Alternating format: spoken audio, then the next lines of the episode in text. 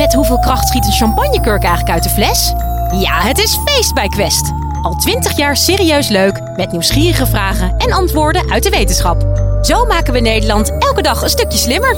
Nu in de winkel en op quest.nl. Een robot die je huis stofzuigt of helpt in de zorg. Maar daar kijken we niet echt meer van op. Maar maken we onszelf niet langzaam overbodig door steeds meer aan robots over te laten?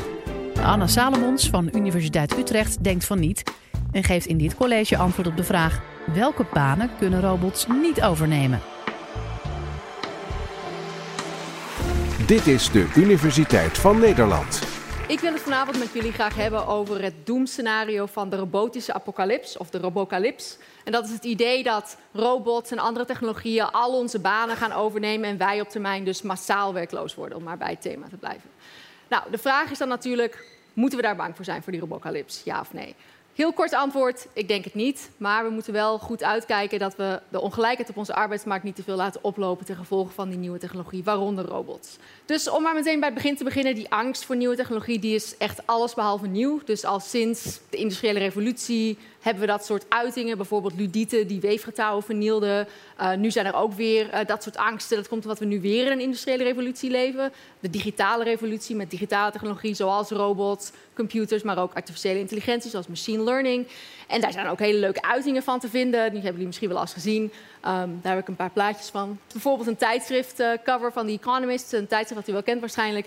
Waar die technologie wordt uitgebeeld als een soort van orkaan... die door een kantoor heen raast en alle banen op zijn pad aan vernieuwen is, uh, vernielen is. En daarnaast dan een cartoon die eigenlijk de logische conclusie daarvan aangeeft. Als je geen robot bent, dan heb je ook geen baan meer. Nu is het natuurlijk ook enorm um, indrukwekkend wat robots allemaal al kunnen vandaag de dag. Dus er zijn eigenlijk heel veel voorbeelden van. Maar bijvoorbeeld in de industrie worden robots heel erg ingezet voor assemblage. Die robots worden ook steeds flexibeler. Je hebt bijvoorbeeld Baxter, dat is een heel bekende robot die je kan trainen. Uh, robots worden gebruikt om, uh, ja, voor zelfrijdende auto's. Die kunnen natuurlijk zelf rijden. Um, algoritmes kunnen ondertussen al beter schaken en beter Go spelen sinds, uh, Go spelen sinds kort dan mensen. Hier ziet u een voorbeeld van een robot die cocktails maakt. Daarachter zie ik de bartender al meteen inloggen op LinkedIn uh, in paniek. Dus dit soort dingen komen er ook allemaal aan. En um, Kiva Robots, heeft misschien ook wel eens van gehoord, die in Amazon in de warehouses allemaal bestellingen kunnen ophalen.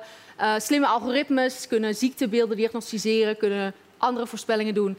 En ik weet niet of u de laatste tijd naar het Nederlands mannenelftal heeft gekeken voor voetbal, maar robots kunnen volgens mij ook gewoon beter voetballen ondertussen. Dus dat is echt waar we nu zijn. En de uiteindelijke implicatie daarvan is robots worden beter, worden sneller, worden slimmer. Wat blijft er voor ons over? Blijft er voor ons nog iets over? Worden we allemaal overbodig? Nou, die vraag die houdt eigenlijk wetenschappers al lang bezig. En één typisch antwoord daarop is is de vergelijking te gebruiken. Ja, mensen worden overbodig op dezelfde manier dat paarden ook overbodig zijn geworden door nieuwe technologie, zoals tractors en auto's. En die vergelijking komt, uh, de oorsprong van die vergelijking komt van een bekende econoom Nobelprijswinnaar Wassily Leontjev. Um, en daar is ook een heel mooi YouTube-filmpje over gemaakt dat ik even een klein stukje van wil laten zien. Dat heet Humans Need Not Apply. Mensen hoeven niet eens te solliciteren. Die die vergelijking mensen als paarden uh, heel mooi uitlegt. Imagine a pair of horses in the early 1900s talking about technology. One worries all these new mechanical muscles will make horses unnecessary. The other reminds him that everything so far has made their lives easier. Remember all that farm work? Remember running from coast to coast delivering mail? Remember riding into battle? All terrible. These new city jobs are pretty cushy, and with so many humans in the cities, there will be more jobs for horses than ever. Even if this car thingy takes off, he might say, there will be new jobs for horses we can't imagine. But you, dear viewer from Beyond 2000, know what happened. There are still working horses, but nothing like before. The horse population peaked in 1915. From that point on, it was nothing but down. There isn't a rule of economics that says better technology makes more better jobs for horses. It sounds shockingly dumb to even say that out loud, but swap horses for humans and suddenly people think it sounds about right. Nou, dat is dus het argument. Paarden zijn vervangen door nieuwe technologie. Wij worden vervangen door nieuwe technologie. Wij worden net zoals die paarden werkloos. Klopt dat eigenlijk? Is dat een goed argument? Nou, het eerste deel klopt. Paarden zijn inderdaad werkloos geworden. Dus we gebruiken eigenlijk helemaal geen paarden meer uh, in onze productie. Misschien nog wat voor sport, wat voor hobby. Um, maar voor de rest uh, is er niet meer veel voor ze te doen. Dus dat lijkt er dan wel op dat die paarden soort van de ruiters van de robocalyps zijn. Maar klopt dat wel? En dat heb ik onderzocht uh, samen met andere onderzoekers, co-auteurs. We hebben dus gekeken of plekken waar technologie vooruit gaat, dus waar wij productiever worden, wat wil zeggen dat wij dezelfde hoeveelheid kunnen produceren met minder inputs, dus ook met minder arbeid, uh, of daar ook minder werkgelegenheid ten gevolge van is. Aan de ene kant vinden we dat dat zo is. Dus die plekken, die sectoren die productiever worden, daar neemt de werkgelegenheid ook echt af. Dus dat lijkt echt slecht nieuws. Maar als we dan in de rest van de economie kijken, zien we dat juist daar de banen sneller toenemen. En als we dan het netto-effect van die twee berekenen, vinden we dat het netto-effect eigenlijk zo ongeveer nul is. Misschien zelfs licht positief. Hoe kan dat? Hoe kan het zo zijn dat paarden wel uh, werkloos worden, massaal ten gevolge van auto's, hè, die natuurlijk veel betere horsepower hebben dan die paarden zelf, maar wij niet? Hoe kan dat? Hoe is dat met elkaar te verenigen? Nou, het heel simpele antwoord daarop is natuurlijk dat wij geen paarden zijn. En dat lijkt misschien heel vanzelfsprekend, maar dat filmpje had ook allerlei heel vanzelfsprekende dingen. Dus ik ga het toch even uitleggen. En ik denk dat dat een goede manier is om na te denken over de manier waarop technologie eigenlijk de arbeidsmarkt beïnvloedt. Dus waarom zijn mensen eigenlijk niet zoals paarden? Ik denk dat daar drie redenen voor zijn. De eerste reden is, wij zijn geen one-trick ponies. Paarden zijn echte one-trick ponies. Die kunnen maar een paar kleine dingen um, en dat blijft ook eigenlijk wel constant. Dus paarden kunnen maar, mensen, voor, uh, mensen vervoeren, dingen voortrekken, uh, Olympische medailles winnen met Antje van Gunsven. That's it. Blijft ook altijd wel hetzelfde. Hè? Mensen daarentegen kunnen zowel nieuwe, andere dingen leren, dingen die technologie nog niet kan. En wij zijn ook creatief, dus we verzinnen ook andere dingen om te doen, waar we dan ook weer nieuwe banen voor hebben. Dus die twee dingen betekenen dat wij geen one-trick ponies zijn. En om die maar even wat toe te lichten. Dus dat eerste, dat wij dus nieuwe dingen leren, andere dingen leren die technologie nog niet kan. Dat is heel duidelijk te zien aan bijvoorbeeld onze training en onderwijs dat we allemaal genieten. Dus ja, als je kijkt, in 1900 had de gemiddelde Nederlander nog niet eens een basisschooldiploma. Vandaag heeft ongeveer 35% HBO of universitair uh, opleiding genoten. Dus dat is een enorm verschil. Dus het gedachte-experiment, stel, stelt u voor dat ik iedereen in dit publiek zou vervangen met zijn of haar voorouder uit 1900. En die zouden dan morgen jullie banen moeten gaan uitvoeren. In de meeste gevallen denk ik dat dat redelijk rampzalig zou zijn. Nou, dat komt omdat wij dus niet uh, uh, hetzelfde zijn blijven doen. Wij hebben ons gespecialiseerd in dingen die technologie niet kan. Paarden niet natuurlijk. Maar nog belangrijker is dat wij ook creatief zijn. Dus wij verzinnen nieuwe dingen, nieuwe goederen, nieuwe diensten, juist met behulp van die technologie. En daar hebben we dan weer nieuwe werkgelegenheid in. Dus in 1900 had niemand kunnen voorspellen wat wij vandaag allemaal konden consumeren. Uh, van goederen, van goederen, van diensten. En dat we daarom werken als interieurontwerper of uh, videospelontwerper of uh, cybersecurity expert of communicatieadviseur of hondenpsycholoog. Dus al die dingen komen allemaal voort uit onze creativiteit. Paarden hebben natuurlijk die creativiteit helemaal niet. Dus dat is reden één. Wij zijn geen one-trick ponies. Tweede reden waarom wij geen paarden zijn, is omdat wij inkomen hebben. Wij verdienen loon, wij bezitten kapitaal, paarden niet. Waarom is dat belangrijk? Nou, ten eerste omdat wij daardoor de vruchten plukken van die nieuwe technologie. En ik heb daar een uh, illustratie van een heel lang historisch perspectief. Dat laat zien dat sinds, ik weet niet of je het kunt zien, sinds 1000 voor Christus, dit is het reële inkomen per persoon, eigenlijk heel lang constant bleef. Tot de eerste industriële revolutie, dus die enorme golf van innovaties. En toen is ons inkomen, ons reële inkomen, enorm gestegen. Met onze productiviteit meegestegen. Dus wij hebben echt heel veel voordeel gehad van die technologie. Voor paarden zou die lijn natuurlijk gewoon helemaal vlak zijn. Paarden hebben geen inkomen. Dus dat is een belangrijk verschil. Dat is ook belangrijk voor de werkgelegenheid, omdat we weten dat als mensen meer inkomen hebben, ze ook weer meer gaan consumeren.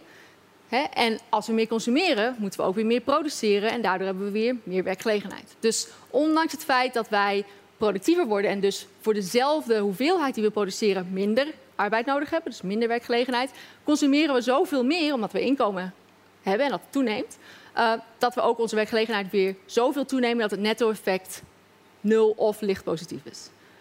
Dus daarom is het belangrijk dat wij inkomen hebben. Dat is de tweede reden waarom wij geen paarden zijn. Dus de eerste reden is, we zijn geen one-trick ponies. De tweede reden is, we hebben inkomen. Dan tenslotte de derde reden, niet minder belangrijk, paarden kunnen niet stemmen. Waar ik maar helemaal heel simpel mee wil zeggen, wij hebben een politiek systeem waarmee wij vormgeven aan onze samenlevingen. Wij ondergaan die technologische vooruitgang niet passief zoals paarden dat wel doen. En dat leidt tot allerlei instituties die we hebben op onze arbeidsmarkt, op onze goederenmarkt. Dan heb ik het over ons onderwijssysteem, onze belastingstelsel, herverdeling, sociale zekerheid, uh, goederenmarktregulering, allerlei veiligheidswetten. Al die dingen hebben wij, door te stemmen, in onze democratie, in onze systemen, in plaats gezet om ervoor te zorgen dat wij die voordelen van technologie en andere rijkdom onder elkaar verdelen en dat allemaal goede banen leiden. Wij geven vorm aan onze toekomst. Paarden doen dat niet, paarden stemmen niet. Paarden hebben al die dingen dus ook niet. En ik wil hiermee niet zeggen dat dit soort herverdelingen, dit soort instituties automatisch ontstaan. Daar moeten wij wel met z'n allen voor zorgen. En die moeten we ook blijven aanpassen aan nieuwe uitdagingen, zoals technologie. Daar kom ik straks nog weer even op terug. Maar om samen te vatten, de drie redenen die ik denk dat belangrijk zijn waarom wij geen paarden zijn, zijn wij zijn geen one-trick ponies, wij hebben inkomen en wij stemmen. Oké?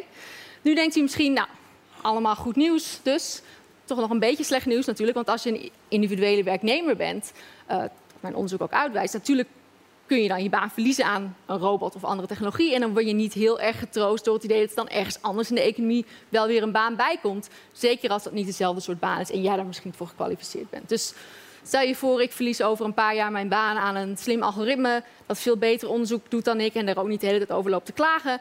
Nou, dan, hè, dan, en dan heb ik er dus niks aan dat er ergens anders in de economie bijvoorbeeld vacatures zijn voor zonnepaneleninstallateurs.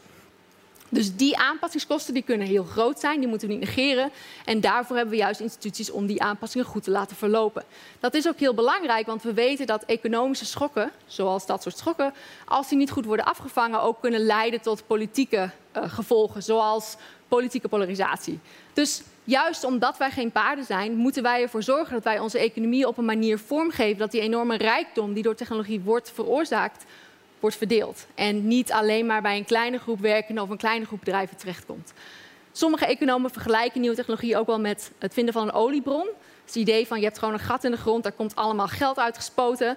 Uiteindelijk gaat het erom wat je daarmee doet. Dus om een heel simpel voorbeeld te nemen, we weten dat Noorwegen olie heeft, we weten dat Saudi-Arabië olie heeft. Twee hele andere samenlevingen. En dat komt in grote mate door verschillende instituties. En die instituties worden uiteindelijk niet door olie gemaakt, maar door mensen.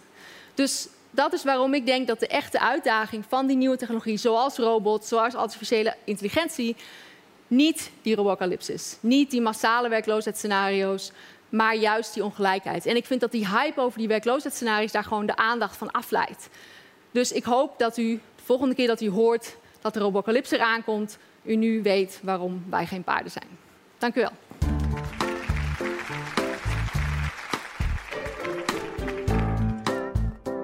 Dit was de Universiteit van Nederland.